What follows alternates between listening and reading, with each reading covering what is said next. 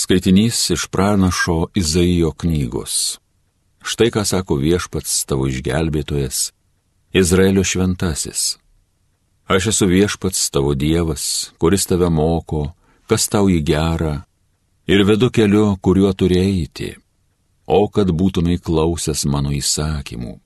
Tuomet tavo laimė būtų buvusi kaip upė, o tavo gerovė kaip jūros bangos Tavo palikonys būtų buvę gausingi kaip smiltys ir tavo atžalos kaip smėlio grūdeliai. Nebūtų iš mano akių jūsų vardas išnykęs, nebūtų išdėlės. Tai Dievo žodis.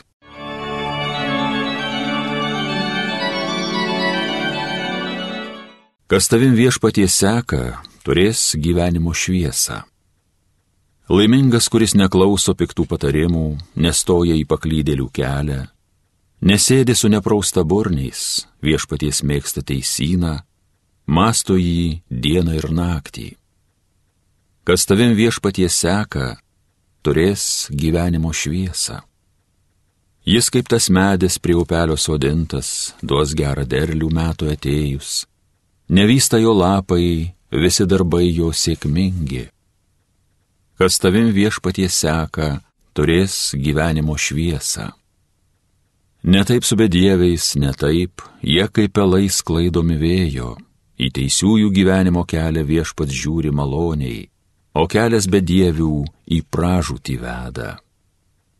Kas tavim viešpatie seka, turės gyvenimo šviesą. Alleluja.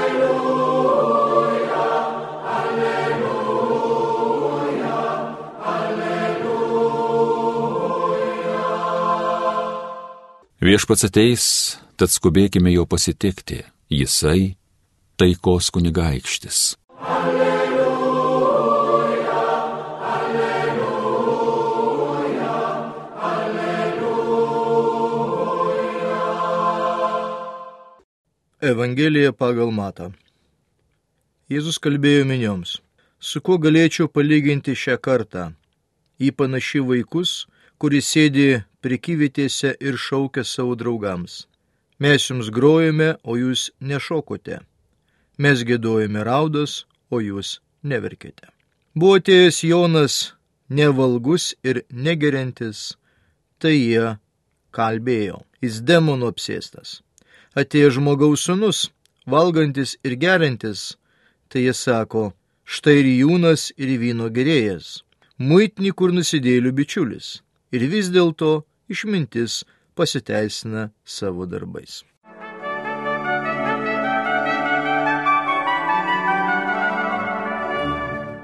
Mėly Marijos radio klausytojai, Evangelija pagal matą turi tam tikrą savo specifiką, tam tikrą braižą, jinai yra sudėliota iš tam tikrų mažų Jėzaus pasakytų kalbų, iš mažų fragmentų ir tai jaučiama kalbant apie šios dienos fragmentą, mes turėtume pasakyti, kad jis yra atkeliavęs iki Luko Evangelijos, iki tos paskutinės redakcijos iš šaltinio Q.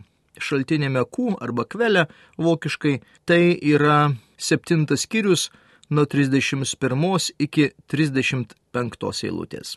Skaitinys susideda iš dviejų dalių, arba struktūra turi tokia dviejų dalių. Pirma dalis tai yra 11 skyrius 16-17 eilutė kalba apie palyginimą apie vaikus ir antra dalis 11 skyrius 18 ir 19 eilutės yra palyginimo išaiškinimas. Truputėlį turi tokio enigmatinio turinio tekstas, pristatymas yra, na, arba palyginimas apie kartą, kurią lygina su vaikais, toliau yra lyginamas Jonas Krikštojas ir aišku yra lyginamas Jėzus. Galėtume pasakyti, tai yra šios nors evangelija tokia palyginimų evangelija. Struktūros galbūt išskirtinumas tai yra tai, kad Jonas Krikštintojas yra sugretinamas su Jėzumi. Tai yra du asmenys, kurie na, vis persipina per Naująjį Testamento turinį.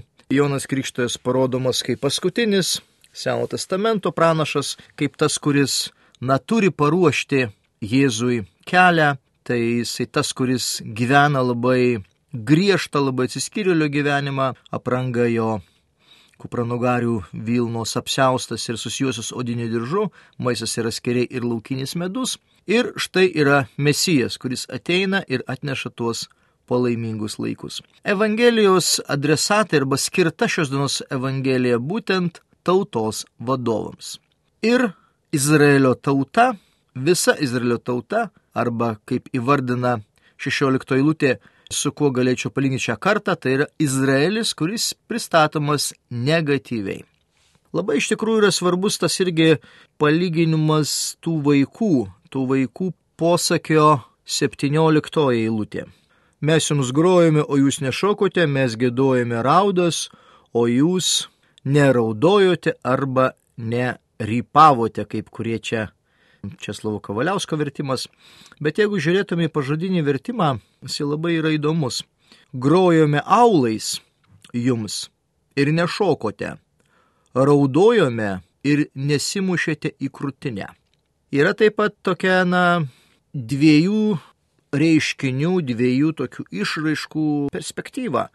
Ir tai galėtų būti, kas tai yra šokiai, kas tai yra šokiai, tai yra vestuvės, tai yra džiaugsmas, o kas yra liudesys, kas yra mušimas įsikrūjant, tai yra laidotuvės. Tai čia taip pat yra tokia labai įdomi ir gili mintis, kad žmogaus gyvenimas prasideda nuo gimimo ir baigėsi būtent laidotuvėm. Žmogaus gyvenimas prasideda džiaugsmu, nes kada ateina žmogus į šį pasaulį visi džiaugiasi, tėvai džiaugiasi, artimieji džiaugiasi. Yra pilnas džiaugsmo žmogaus ateimas, o žmogaus iškeliavimas yra pilnas liūdėsio. Ir Jėzus truputėlį žengia vieną žingsnį į priekį ir sako, na, žmogaus gyvenim pabaiga taip pat turi tą džiaugsmo spindesį, nes jisai patiria amžinai gyvenimą. Taigi pasižiūrėkime dar prieš tai į 16 eilutę, kur prasideda e, mūsų šis palyginimas. Su kuo man palyginti šią kartą? Į panaši į aikštėse sėdinčius vaikus, kurie kitiems šaukia. Arba aikštėse, arba turgavietėse, kur iš tikrųjų rinkdavosi žmonės.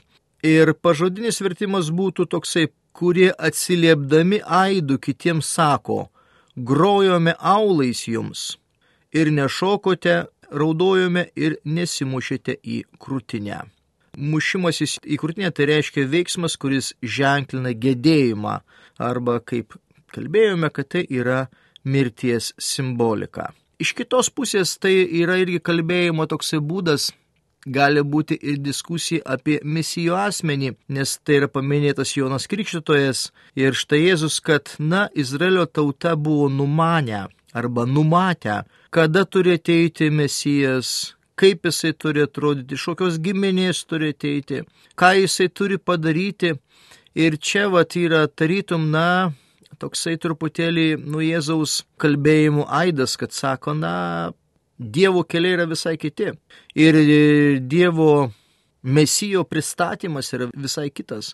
Nes tas tradicinis Izraelio tautos mesijo pristatymas buvo tas, kuris ateina iš karališkos giminės, nes Dovydui buvo išpranašauta, kad antroje Samuelio knygos 7 skyriuje, kad iš Dovido giminės kils, tai reiškia iš karališkos šeimos, iš karališkos aplinkos, visi žinos, jisai bus galingas, stiprus valdžios žmogus ir jisai išlaisvins Izraelį iš Romos imperijos gniauštų.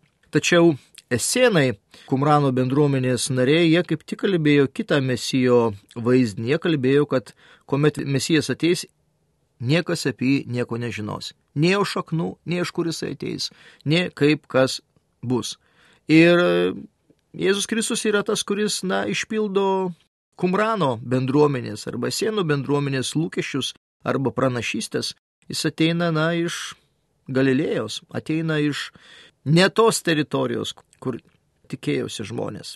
Ir po šito yra kalbėjai, tarytum išaiškinimas palyginimo, bet vėlgi su kita simbolika. Atijonas nei valgo, nei geria, tai jie sako, jis turi demoną. Nu, tai jis yra apsėstas, ne?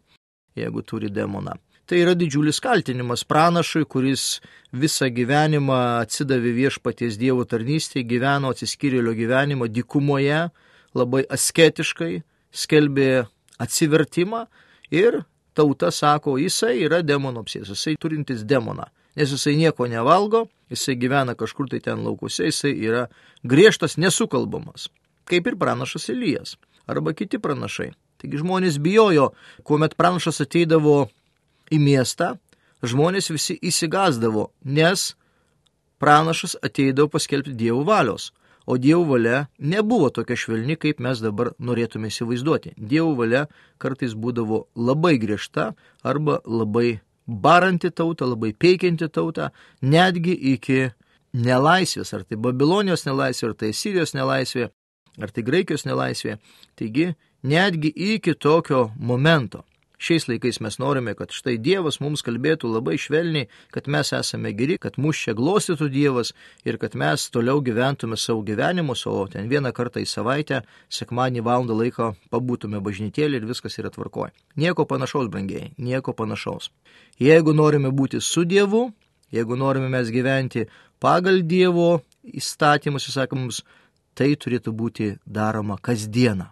Kasdieną, kažkiek tai laiko, kažkokią tai formą, savo gyvenimo liūdimų ir gyvenimo elgesių mes turime būtent keliauti link viešpatis Dievo. O ne taip, kad šešias dienas gyvenu savo, septintą dieną valandą laiko pašvenčiu viešpačių Dievui. Na ir devynioliktoji eilutė. Atėjo žmogaus sunus ir valgo ir geria, tai jis sako, štai žmogus, rajūnas ir vyno gerėjas muitnikų nusidėjėlių bičiulis. Atėjo sunus, žmogaus valgantis ir gerintis, jis sako, štai žmogus ir jūnas ir vyna gerys, rinkėjų bičiulis ir nusidėlių. Taigi Jėzu čia taip pat tapatina, kad jisai na, nesilaiko pasniko, nes mes girdėjome ir buvo prikaišiota netgi ir jo mokiniams, kodėl tavo mokiniai nepasnikauja kaip Jono Krikšto mokiniai. Tai čia yra įvardinama, kad Jėzus yra, kuris valgo, kuris išgeria vyno, jisai yra taip pat muitininkų ir nusidėjėlių bičiulis. Tai yra žydų akimis labai negeras dalykas, nes muitininkai taip pat ir nusidėjėliai, kolaboravusi su Romos imperijos tauta, ėmė mokesčius iš savo tautiečių ir kuo daugiau, o taip pat bendrauti su nusidėjėliu, nesvarbu, kokią nuodėmę tas žmogus būtų padaręs, tai to tikinčio žydo akimis yra labai blogai. Bet Jėzus yra pasakęs, kad jisai atėjo kviesti arba gydyti ne teisiųjų, bet nusidėjėlių. Todėl muitininkai ir nusidėjėliai yra Jėzaus bičiuliai. Ir mes matome Evangelijoje ne vienoje vietoje, kad tie muitininkai ir nusidėjėliai įtiki Jėzų, atsiverčia ir tampa Jėzus ištikimais mokiniais, kaip šiandieną evangelistas Matas, kuris buvo muitininkas, bet išgirdęs Jėzaus pakvietimą, Jėzus pašaukimą, jis viską palieka ir seka Jėzumi. Na ir paskutinis toksai to palyginimo eilutės dalis, 19, tokia kaip ir mislinga, paslaptinga, tokia enigmatinė, toks posakis, vis dėlto išminti pateisina jos darbai, tarytum toksai, na, užbaigimas šios diskusijos, užbaigimas šios tokios iškilmingos kalbos ir buvo pateisinta išmintis iš darbų jos. Na, galima mes suinterpretuoti, kad vis dėlto išmintis arba kažkoksai tai pasakymas, kažkokia tai kalba turi susirišti su tam tikrais darbais. Negali būti vien tik tai teorinis kažkoks pasakymas, negali vien tik tai būti teorinės žinios bet tai turi sieti ir su praktika. Tai galbūt šitas irgi toks pasakymas yra adresuotas šiam palyginimui, bet vis dėlto reikia pasakyti, kad Luko Evangelija yra sudėliota iš tam tikrų nuotrupų iš Jėzaus Kristaus pasakytų žodžių, kurios vadinasi logijos, tai galbūt čia irgi lygiai iš tos kumrano tokios išminties, nes Evangelija tai turi ir esėnų truputėlį idėjos, ir Seno testamento idėjos, ir pirmųjų amžių krikščionybės idėja, tai visa tai yra sukompiliuota, visa tai yra labai atsakingai, labai išsamei ištyrinėta ir sudėta į švento rašto puslapį. Ir mes kada skaitome, vat, kartais mums kyla įvairios mintys, įvairios diskusijos, kad kaip čia dabar yra, bet tai, brangiai, atkeliavę yra iš labai ankstyvųjų amžių, tai yra 2000 metų tekstas, kuris kartais reikalingas tam tikros gilesnės, tokios įžvalgos gilesnių analizių. Ir štai yra vedamoji tokia idėja išmintis, graikiškai Sofija. Išmintis buvo pateisinta jos darbais. Tai vad pasakyti žodžiai, atlikti žodžiai, galima sėti ją ir su Jėzumi Kristumi, kad jo darbai, jo atlikti tam tikri stebuklai arba, sakykime, tikėjimo ženklai, jie išpildo arba jie pateisina tą dievišką išmintį, kurią apreiškė pats Dievas išrinktai tautai, na ir paskui visai žmonijai.